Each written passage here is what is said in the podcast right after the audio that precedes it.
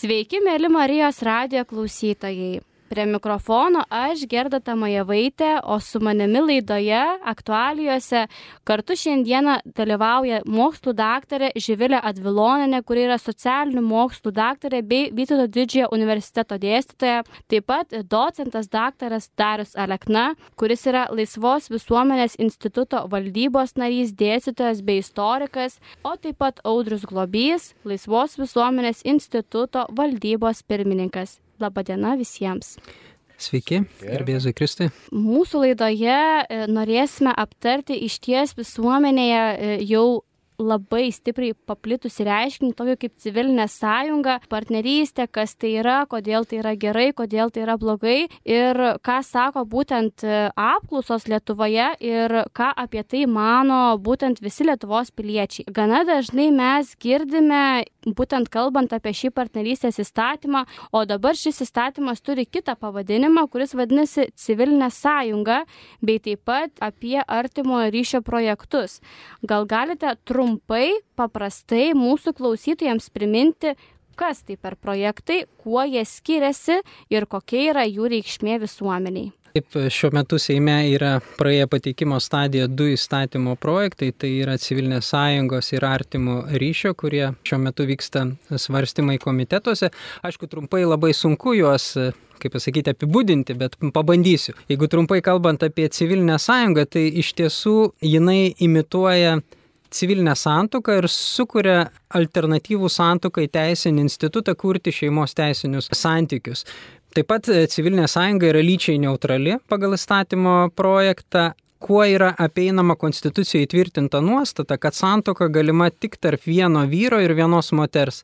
Ir taip pati civilinė sąjunga tampa konstitucija nenumatytų teisinių pagrindų kurti šeimos teisinius santykius tarp tos pačios lyties asmenų. Aš manau, kad tai ir yra vienas iš pagrindinių šio įstatymo tikslų.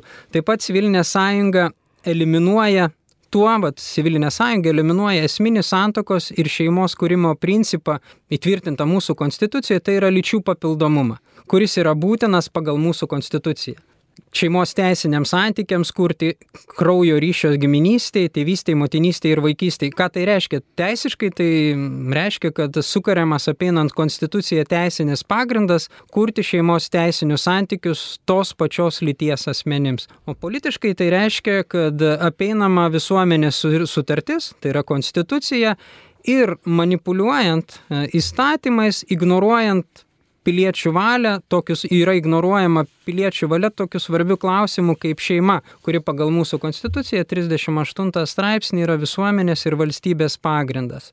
Priemus civilinės sąjungos įstatymą iš tiesų mes taip manom, kad būtų pažeidžiamas Lietuvos piliečių orumas ir e, jie būtų teisinėmis ir administracinėmis priemonėmis verčiami šeima laikyti tas bendro gyvenimo formas, kurios iš tikrųjų prieštarauja jų prigimtiniam protui ir dorovinėms nuostatoms, tam, kam jie pritarė pritardami visuomenės e, sutarčiai konstitucijai. O jeigu kalbėsim apie artimą ryšį, tai artimo ryšio teisinio reglamentavimo prieitis yra iš esmės, aš sakyčiau, kitokia ir jie yra siekiama spręsti ne tik tos pačios lyties arba nesusituokusių skirtingų lyčių asmenų bendro gyvenimo teisinį reguliavimą įteisinant juos ne kaip šeimą, bet suteikiant e, kiekvienam žmogui, kiekvienam asmeniui prigimtinį poreikį į artimą ryšį su kitu asmeniu.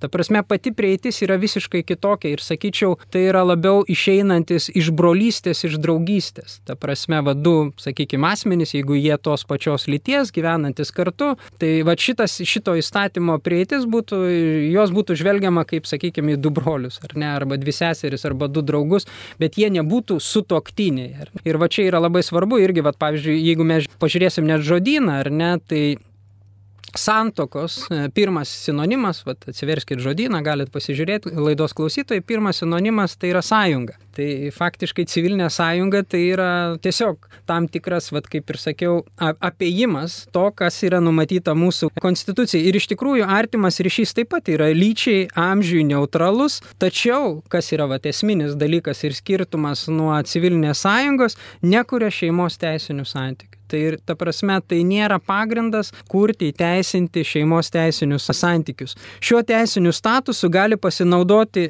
ne tik kartu gyvenantys sugyventiniai tos pačios ar skirtingų lyčių asmenys, bet ir e, kas yra mano, mano galva irgi labai svarbu, vieniši asmenys, kurių mūsų visuomenėje yra gana nemažai ir kuriems taip pat yra prigimtinis poreikis turėti artimą žmogų, kuris nebūtinai yra šeimos narys ar giminaitis, ta prasme, su kuriuo nėra kraujo ryšių, kurio nėra giminystės ryšių. Pirminis artimas ryšys kyla iš šeimoje, iš vyro ir moters santokos, kraujo ryšių ir giminystės. Mums artimieji, vat, ir pagal, pagal įstatymus, pagal Lietuvoje galiojančius įstatymus, tai yra tie, kur, su kuriais mes turim tam tikrus kraujo ryšius, ar ne, arba sutoktiniai, kurie yra vyras ir žmona. Tai šituo įstatymo projektu artimo ryšių yra siūloma išplėsti ir taikyti ir asmenims, kurie gyvendami kartu pasirašo susitarimą dėl bendro gyvenimo, tai yra veda bendrą ūkį arba pasirašant globos rūpybos susitarimą, tai yra rūpinasi vienas kitu. Artimieji visuomeniai valstybei, vat, kodėl būtent artimasis ir kodėl tai yra svarbu, šiuo įstatymo projektu yra siekiama sureguliuoti tų žmonių, tam, tik, suteikti jiems tam tikras teisės. Ir e, mūsų valstybėje artimieji turi tam tikrų ypatingų teisų. Pavyzdžiui, lankyti kalėjime artimą žmogų.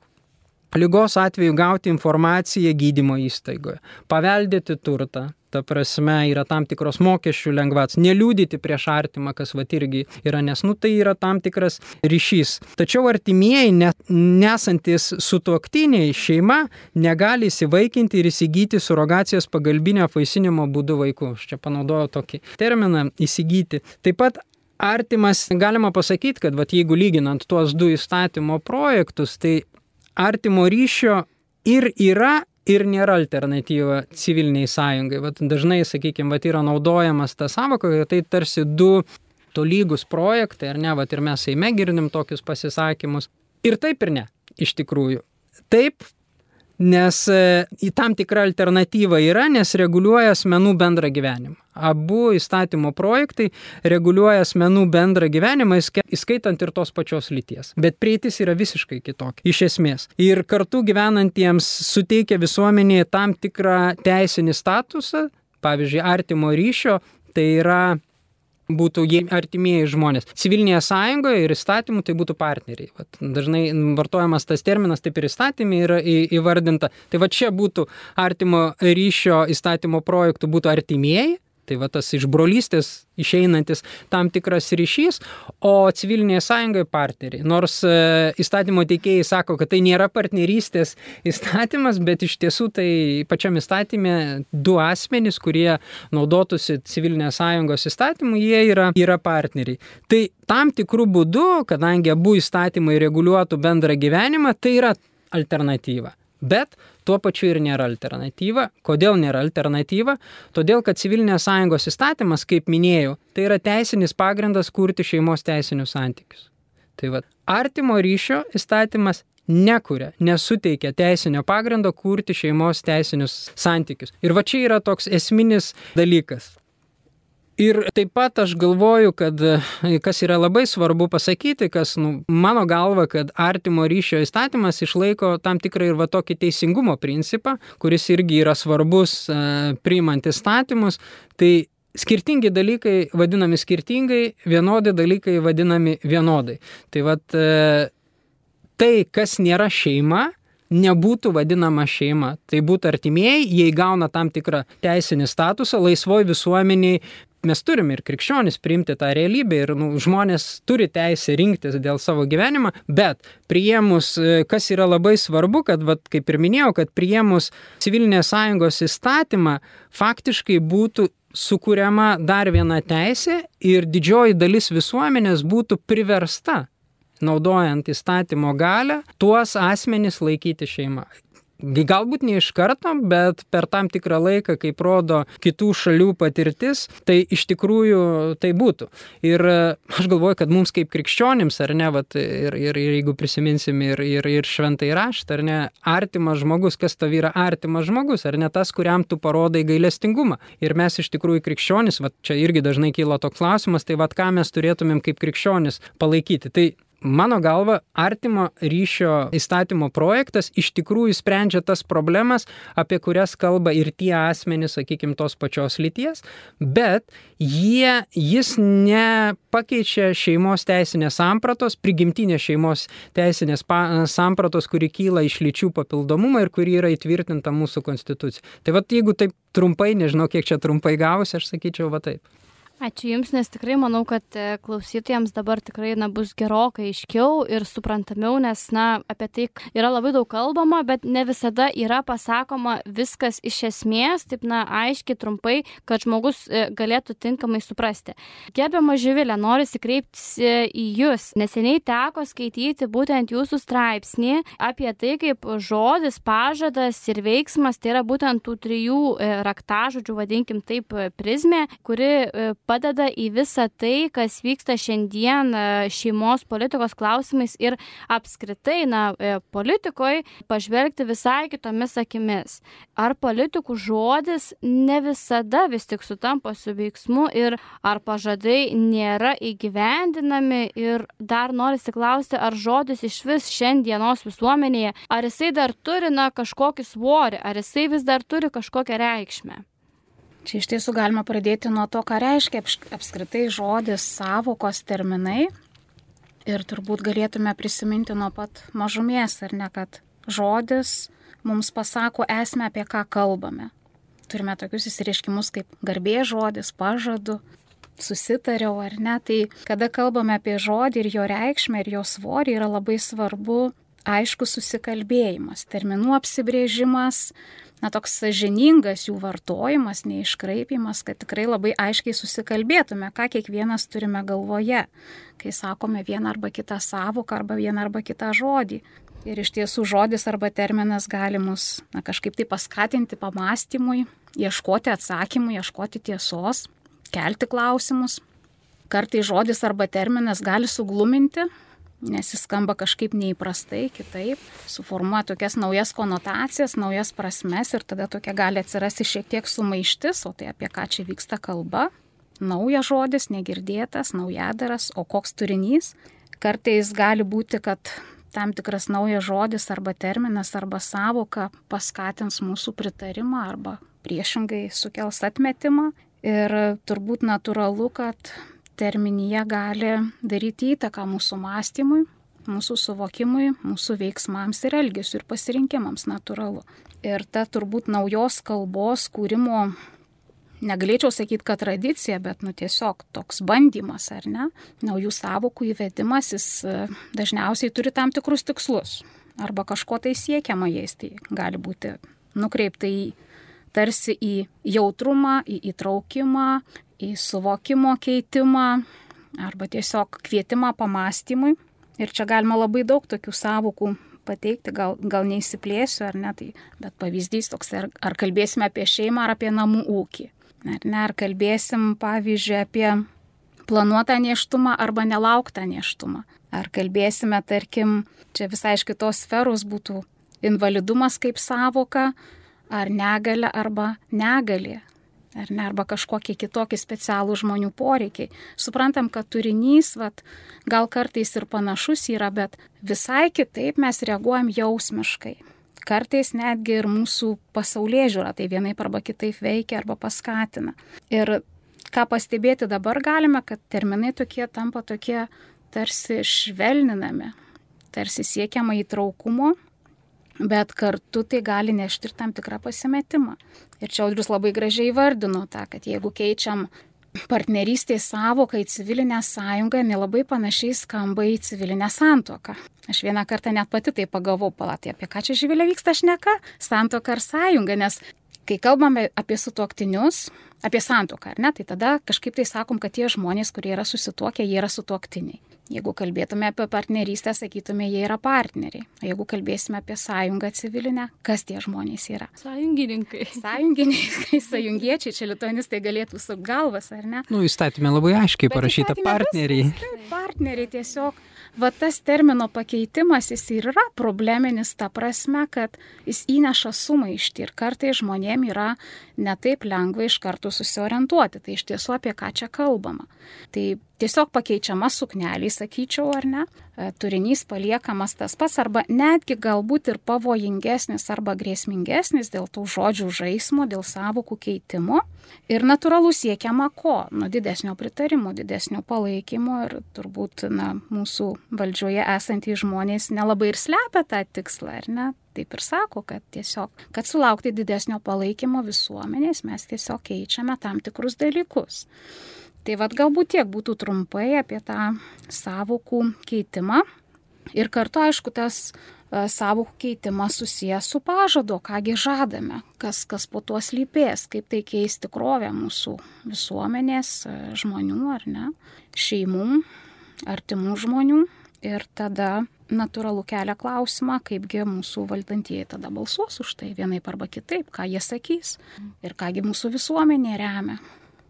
Ką iš tikrųjų jūs pasakot, labai tikrai yra įdomu tiek man, tiek klausytojams tikiu, nes na, tai yra dalykai, kurie rūpi iš esmės visiems, nes na, tai yra mūsų visuomenės ateitis, kaip o, auks galų gale net, ne, net ir mano pačios vaikai, mano na, kiti, ką būtent matys mano artimi žmonės. Ir norisi vis tik na, prisiliesti prie visos visuomenės nuomonės. Tai kokia vis tik yra nuomonė pačios visuomenės šiais klausimais, nes e, yra žinoma, kad e, būtent laisvos visuomenės institutas jau ne vieną kartą yra užsakęs visuomenės nuomonės apklausas apklausas. E, Noris vėlgi į jūs živilę kreiptis, jūs tas apklausas, kiek žinau, esate analizavusi. Kokius jūs desningumus pastebėjote ir kokios, na, apibendrintai būtų įžvalgos jūsų, būtent atlikus tų apklausų analizę.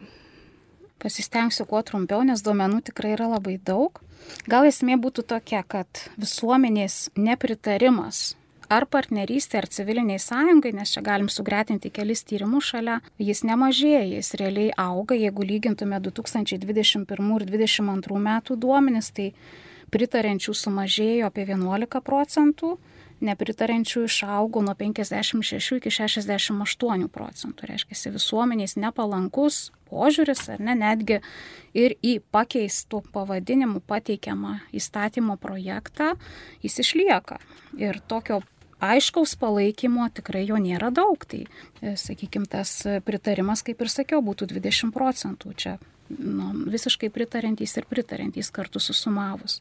Toliau kartu galima kalbėti apie tai, kad visuomenės klausta buvo, kurį įstatymo projektą civilinių sąjungų ar artimojo ryšio na, žmonės labiau palaikytų, jeigu būtų galima rinktis, ar ne? Ir čia vėlgi labai aiškiai atsiskleidžia tas negatyvus visuomenės požiūris į civilinės sąjungos įstatymo projektą, nes jį palaikytų vos 13,5 procento, tuo tarpu artimojo ryšio projektą, ar tam artimojo ryšio projektui pritartų 25 procentai, reiškia, dvigubai daugiau galima sakyti.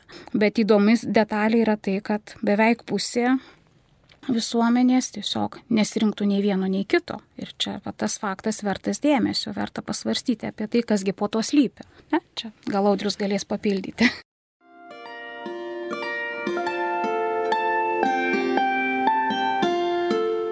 Jūs girdite Marijos radiją.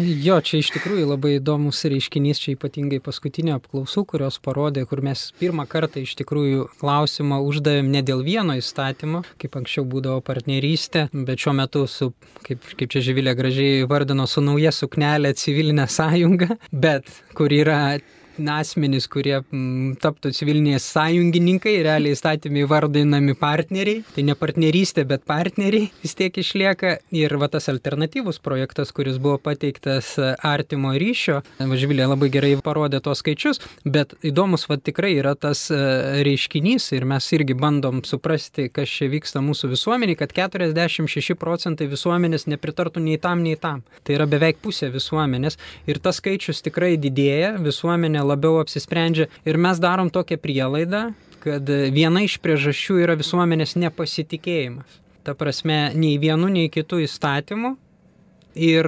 nepasitikėjimas dėl ko?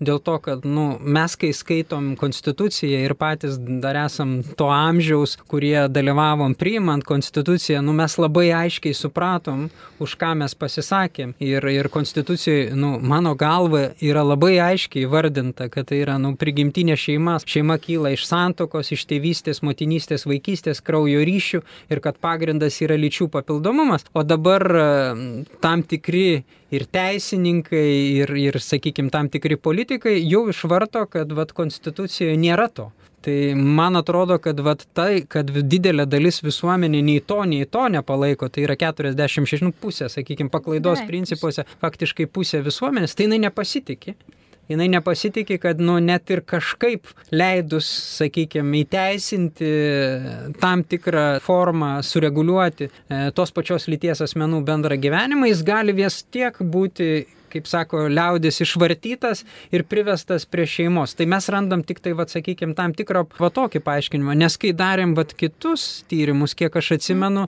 labai nemaža visuomenės dalis kalbėjo apie tai, kad pasisakė už tai irgi, vad maždaug, kiek pasimenu, atsimenu, 21 metais buvo darytos apklausos, kur visuomenė pasakė, kad taip, nu, reikėtų rasti kažkokį tai teisinį būdą sureguliuoti.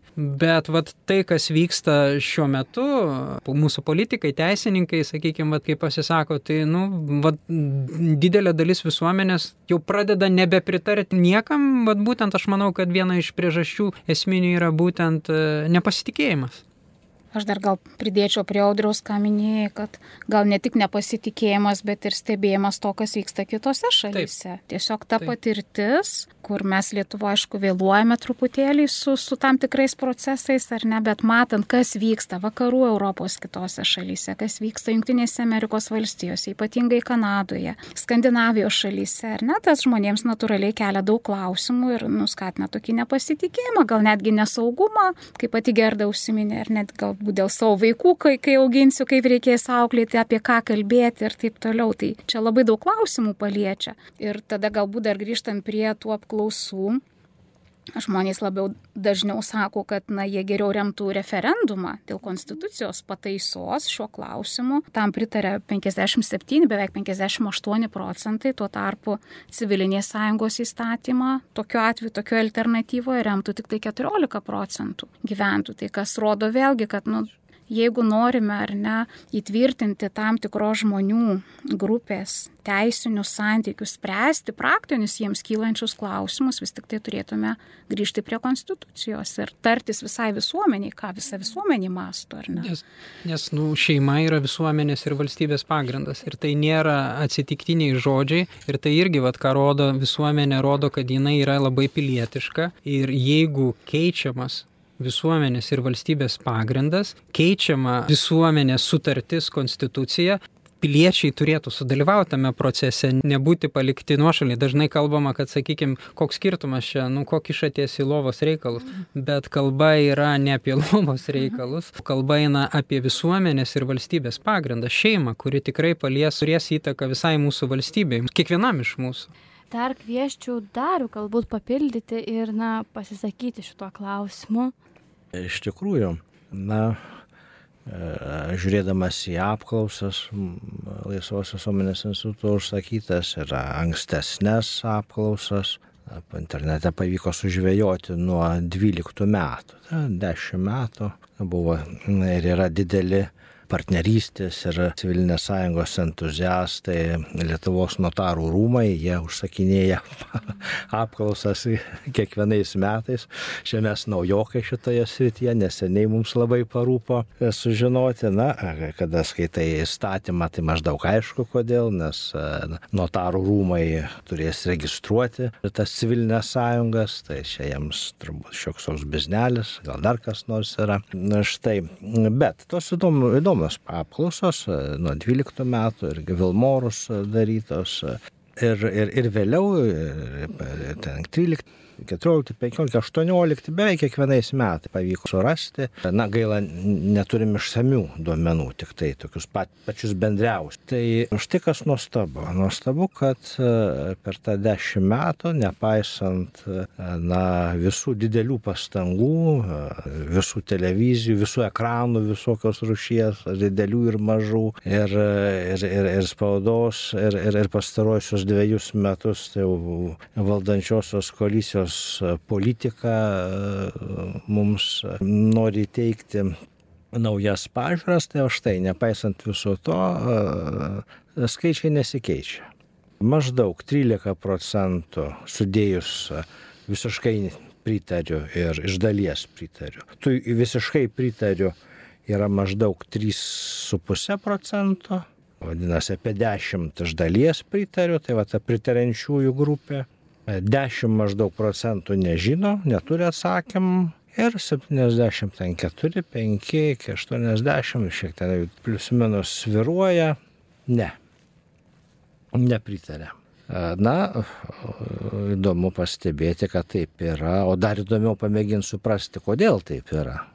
Bet iš tikrųjų ir norisi klausti, ar tie duomenys iškalbingi, ką jie rodo ir ką jie pasako, kodėl, na būtent taip yra, nes, na, vis tik labai svarbu pačiai visuomeniai pasakyti, kad, na, ir padrasinti galbūt, kad yra tikrai žmonės, kurie na, nepalaiko, kurie nepritarė tam, nes galbūt kiti žmonės, na, būtent matydami tuos ekranus, kaip jūs pats vardinat, galbūt jie galvoja, kad visa visuomenė pritarė, tačiau taip nėra. Tai vat, apie tai labai noriu būtent paklausti. Tai čia būtų klausimai sociologams. Reikia drąsių sociologų, kurie imtųsi šito klausimo, e, susirinktų visus tyrimus, palygintų su kitom šalim dinamiką, kaip vyksta. Čia mano supratimu, čia ne vienos disertacijos klausimas galėtų būti šitas tyrimas. Na, aš taip žiūrėdamas, mąstydamas galiu tik hipotezės kelti e, ir neturėdamas duomenų, kaip juos patikrinti. Na, bet man ateina viena kita mintis, ne, ne, ne, sakau vėlgi, hipotetinė mintis. Na, pirmiausia, yra natūrali branda. Jeigu žiūrėsime kitus duomenis, tai e, vėlgi Lietuvoje visų amžių kategorijos nepritarė šeimos statuso suteikimui homoseksualiems asmenims. Nepritarė. 50 procentų, virš 50 procentų pačių jauniausių taip pat nepritarė. Na, bet e, tarp jauniausių, e, beje, irgi yra pati didžiausia dalis nežinančių, neturinčių atsakymo, 16, ten 17 maždaug procentų, bet taip pat yra didžiausia dalis tarp visų amžiaus grupių ir, ir, ir, ir, ir pritarančių. Na, jaunystė, durnystė, ar ne, kaipgis, kaipgis kitaip kitose šalise tyrimų, kurie leistų manyti, kad iš tikrųjų paaugliai, jauni žmonės, na tie, sakysim, kurie turi polinkį nežinoti, kokie jie lyčiai priklauso, laikui bėgant pasveiksta. Tai yra, buvo Junktinėse valstijose daryti tokie tyrimai, kurie apėmė ilgą laiko tarpą, tie patys žmonės stebėti ir, ir daug metų stebėti. Tai iš tų, kurie iki 18, 14-18 metų nežinojo, kaip, kaip čia nais dabar bus, tai kai jau jiems buvo 29-30, tai jau jie 80 procentų iš jų jau jie žinojo, kas jie tokie. Štai. Tai tiesiog, na, sakykime, natūrali biologinė branda, bet manau, kad čia dar ne viskas, toli gražu ne viskas. Sakysim, kitas dalykas galėtų būti, na, pavadinčiau socialinė branda, ar ne? Na, kai žmogus auga, mato, kad reikia gyventi, reikia uždirbti duoną, šeima, vaikai. Tai tai, ką apgalvoji jaunystėje ir maniai, kad čia nes cool ir, ir labai gerai, na, šiek tiek kitaip pradedi galvoti. Ir, ir, na, bet aš manau, kad dar vienas dalykas, manyčiau, kad tai yra specifiškai lietuviškas dalykas. Mano taip atrodo, vėlgi reikėtų tikrinti, pažiūrėti, kaip kitose kraštuose yra. Lietuvoje šeima yra labai rimtai vertinama. Ne šiaip savo, bet, na, pažiūrėkime, sakysim, kalėdos, ar ne? Nu, visi pilni oro uostai, grįžta žmonės iš Anglijų, Švedijų šventėms, ar ne? Ir tai yra fenomenas. Aš, kiek man teko kitose šalise gyventi ir matyti, tai nėra taip. Čia yra lietuviškas fenomenas. Arba, sakysim, kapai. Ar ne? Ir kaip, na, Lietuvoje žmonės gerbė kapus, gerbė, gerbė šeimą savo kapus, ar ne? Kapai prižiūrėti, reiškia, mūsų jau mirę seni žmonės, tai tas toks, šeim, tai yra šeimos ryšys, šeimoje ryšys. Kodėl jisai toksai, sakysim, Lietuvoje? Nu, vėlgi čia galima galvos. Ir aš manau, kad čia susijęs su nepasitikėjimu ir valdžia, taip pat valdžiomis. Čia labai sena, labai sena istorija, ar ne? Pradėkime nuo to, kad Lietuvos elitas, ar ne, paliko lietuvių tautą gyventi savo, ar ne, ir išėjo į Europą. Taip, su Lenkais kartu, sulenkėjo visokios ten unijos ir taip toliau. O kur užuovė? Šeimoje, jeigu išliko lietuvių tauta, bendruomenė, tai, tai, tai tik tai šeimoje išliko. Tai 19 amžius, jeigu pažiūrėsim, irgi Lietuva neturi valdžios, ar ne, kurią galėtų pasitikėti, o, o, o kur yra trama, kur viskas vyksta, šeimoje viskas vyksta. Sovietinės okupacijos laikai, vėl tas pats. Jeigu ne šeima, jeigu ne šeimos ryšiai, nei ne šeimos santykiai, tai kur užuovėja, kur tai galbūt kažkas panašaus galėtų būti, kas paaiškina tokį, na, atkaklų nenorą išsižadėti šeimos Lietuvoje. Bet sakau, čia tik tai hipotezės, reikia rimtų tyrimų, drąsių tyrimų, kur ištirti, nu, pasižiūrėti, palyginti, čia yra ką veikti. Čia, vat, jeigu papildant dar dėl jaunų žmonių, man irgi teko kalbėti su sociologais. Mes, kai atlikinėjom čia gal prieš du metus, atsimenu, 21 metais apklausas irgi rodė, kad vat, jaunų žmonių didesnė grupė pritarė. Ir aš pats asmeniškai uždaviau sociologams, su kuriais kalbėjom, Lietuvos klausimą, ar čia tikrai, vat, nes nu, dažnai formuojama tokia nuomonė, kad vat, jaunoji karta ir va čia dar, dar kažkiek laiko ir, ir tie skaičiai pasikeis. Bet labai įdomu, vat, dar Darius, ką irgi atrado nuo 12 metų. Tai vad, kai ta 20 mečių, ar ten, sakykime, daugiausiai pritarenčių yra moksleiviai, studentai. Ir man, pavyzdžiui, sociologai paaiškino, tai yra tas laikotarpis, vat, jeigu ir save prisimenam ar ne, ir ypatingai dabartiniai kultūrai, kuri ypatingai palaiko taip vadinamą everything goes kultūrą. Ką tai reiškia? Nu, kai tu esi moksleivis, kai studentas, mažai ten tau yra atsakomybės ir tau atrodo everything goes, nu, jeigu čia išversti klausytojams, viskas gali eiti, ta prasme, nėra viskas niekam, gerai. Vis, viskas, viskas gerai, gerai, viskas yra gerai, viskas gali būti. Bet kai žmonės pereina per tam tikrą laikotarpį, ar ne, sukuria savo šeimas, arba ten gyvena kartu, patiria tam tikras pradeda suvokti, kad kiekvienas veiksmas turi tam tikras pasiekmes ir pasiekmes ne tik kitiems, bet ir man asmeniškai. Ir va tada pradeda prisiminti, kas buvo man atrama, kur aš patyręs tam tikras gyvenimo krizės, išbandymus, kai mane palieka vyras su vaikais ar besilaukiančia, arba ten palieka žmona, kur aš grįžtu, kur yra mano ta trama, kaip mano ten tėvai tuo metu būdavo. Ir va čia iškyla tas šeimos klausimas. Ir va čia tas įdomu, kad iš tikrųjų vat, nu, mes radom tos duomenis nuo 12 metų, tai faktiškai 10 metų, tai va tie moksleiviai tie buvę moksleiviai ir studentai dabar tapo virš 70 procentų nebepritarintis. Tai čia iš tikrųjų yra žinutė politikams. Nes politikai, galvodami, ypatingai vat, lietuvių politikai, ir čia nu, nebijosiu pasakyti, sakykime, Tevinės sąjungos ar ne Lietuvos krikščionių demokratojų partija, jie galvoja, kad e, užsiaugins e, savo elektoratą, pritardami va tai everything goes kultūrai. Nu, žinot, bet dėja, nebrandi paauglystė yra lyčiai ir amžiui irgi neutrali. Tai dėja, žmogus ir 50 metų gali išlikti tam tokiam egocentriškam buvyje, ar ne? Bet jeigu grįžtant prie politikų, tai jie galvoja, kad vat jie pritardami tai everything goes kultūrai, tam jaunimui, jie auginsi savo elektoratą ir vat jie įgys didesnį palaikymą. Aš manau, kad jie labai rizikuoja, nes jie praras savo elektoratą, ta prasme, o tas jų kabutėse auginamas elektoratas pereis į kitos politinės jėgos, kuri pamatys va tas tendencijas ir sugebės atliepti į tai, ko iš tikrųjų didžioji dalis visuomenės tikis. Ir dar vienas labai svarbus dalykas, va kas yra apklausų, kur jūs labai gerai įvardinote, tai visos propaganda veikia tokiu principu, kad e, sukuria tam tikrą įvaizdį ir tu pradedi galvoti, kad visi taip mano. Va toks propagandos yra tikslas ir tu tada pradedi pritarti, nes ne, nu, nenori iškristi. Toks yra va tikslas. Ir dėl ko, sakykime, ir, ir valdančioji dauguma, ir tie, kurie atstumė šituos įstatymus, jiems labai nepatinka šitos apklausos, nes jie laužo tą propagandą ir ta prasme, ir tada žmonės supranta, kad, nu, čia pasirodo dauguma taip vis dar mano. Ir va tas toks polimas, ir mes kaip Laisvos visuomenės institutas susilaukėm didžiulio polimo, kai va paskelbėm tas apklausas, kurios rodo tas, e, kalbame su mokslininkais tyriam, bandom suprasti tam tikras va šito viso priežastis, nes iš tikrųjų laužo va tą propagandą, kuri yra ir kultūros e, sferoje, ir va žiniasklaidoje, ir va politikoje visoje. Ir tai man, mano galva tai iš tikrųjų yra, mes vat, kaip laisvos visuomenės institutas manom, kad tai yra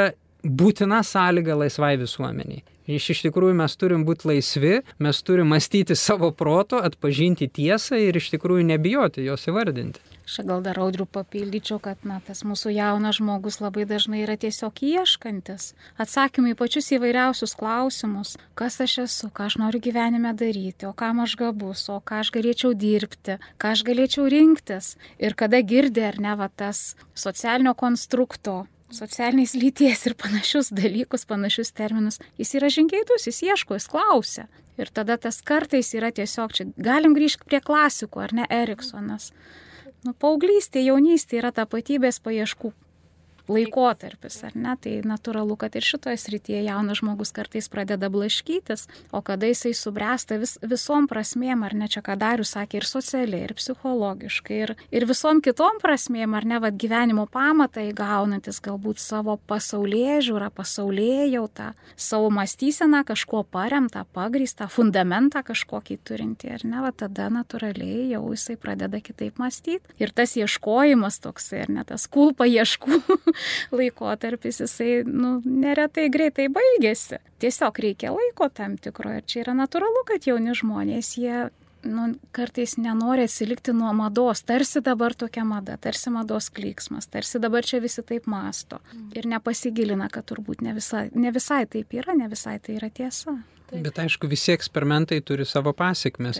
Ir va ypatingai šitie eksperimentai su litiškumu, ar ne, tai, kaip sakom, visi mes pragyvenom tą paauglystės laikotarpį ir tą vienokį ar kitokį būdų, priklausomai kokius turim pagrindus. Nu ir pripažinkim, didžiausios kvailystės buvo padarytos, nu, va, ir tame laikotarpyje ir dažnai pagalvoju, bet ačiū Dievui, kad nu mane tikinčiam žmogui Dievas sustabdė šitoj vietoj ir aš nepadariau dar sekančių žingsnių, ar ne, nu bet pavyzdžiui, su lyties keitimu, ar ne, nu nejokinga yra, kai pasižiūri e, statistiką, sakykime, ten Skandinavijos šalyse, ar, ar, ar e, teko matyti Anglijoje statistiką, ar ne, nepilnamečių vaikų, kurie keičia lytį, skaičiai auga dešimtim kartų. Mhm. Tai čia, kaip sakyti, vat, kaip Živilė sako, su tom paieškom, jeigu tu padarai tam tikrus žingsnius, ypač jeigu tie žingsniai yra skatinami, ar ne, žiniasklaidoje, kultūroje, visame kame, nu, labai sunkus ir vat jau dabar, aišku, mūsų žiniasklaidas sunkiai spausdina, bet vat mes irgi bandom atspausdinti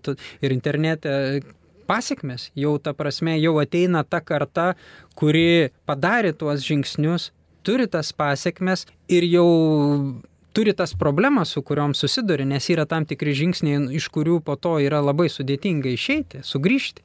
Čia tiesiog negryžtamos tos pasiekmės, va tą labai svarbu pabrėžti, nes jeigu aš pakeičiu savo lytį, visom prasmėm, ar ne, ir biologiškai bandau čia kažkaip pakeisti ir patapti iš vyro moterim arba atvirkščiai, tai yra negryžtami procesai, aš negaliu sugrįžti atgal į savo biologinę lytį, tiesiog prarandu daugybę dalykų, tame tarp ir vaisingumą savo, kas subrendus neretam žmogui yra tikrai labai svarbu, nors gal jaunystėje, paauglystėje atrodė, kad visai čia aš man nerūpi, man nei vaikai, nei iš šeimos turbūt norėsiu turėti, nes tokį ga, galim girdėti netgi retoriką, ar ne, žmonių pasaulyje ir taip per daug. Nėra jų per daug. Taip, yra tiek, kiek reikia. E, visi žmonės, e, jeigu taip, na, visus žmonės sudėjus, jie visi sutilptų, visi pasaulio žmonės į vienos Brazilijos teritoriją. Visi, visi pasaulio žmonės, jų yra tiek, kad juos, na, tai būtent sudėjus, taip vadinkim, vieną prie kito, jie visi sutilptų į Brazilijos teritoriją. Ir kalbant apie apskritai, na, visuomenės tiek paauglių, taip sakant, tas, na, mintis pakeitus tuos išorinius požymius, juk iš esmės niekas nepasikeičia. Chromosoma, jeigu yra XY, tai tai nepasidarys XX. Tai, na, tiesiog vien dėl to, na, nieko negalime pakeisti iš esmės. Kad ir kaip bebūtų gaila, man šitą diskusiją labai įdomi, bet mūsų laikas bėga labai greitai į pabaigą. Norėčiau, kad jūs, na, apibendrinami pasakytumėte po paskutinę mintį mūsų gerbėmiems klausytojams, kokią žinutę galbūt norite perduoti jiems, e, ištransliuoti, nes, na, aš labai tikiuosi, kad klauso ir jauni žmonės, kurie galbūt, na, ieško ir galbūt išgirdę tą jūsų mintį, tiesiog, na, jie e, patys, e, na, pagalvos, pamastys ir galbūt, na, šiek tiek, na, pakeis būtent savo sprendimus ir savo tos pasirinkimus.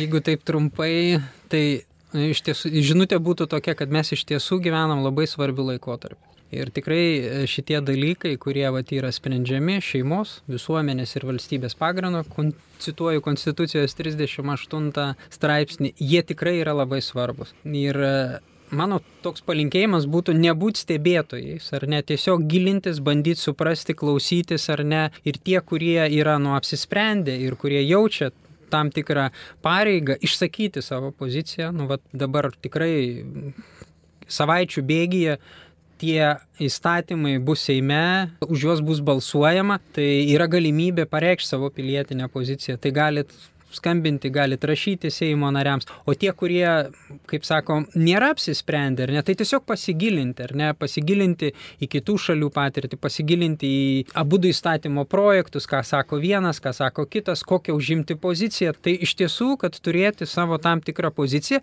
kad praėjus 10-20 metų, ar ne, pažvelgus atgal, aš galėčiau būti ramus, ta prasme, kad aš iš tiesų viską padariau, aš supratau, kiek galėjau suprasti, kas tuo metu vyko ir, ir, ir padariau tam tikrus tinkamus apsisprendimus, kas nuo manęs priklauso.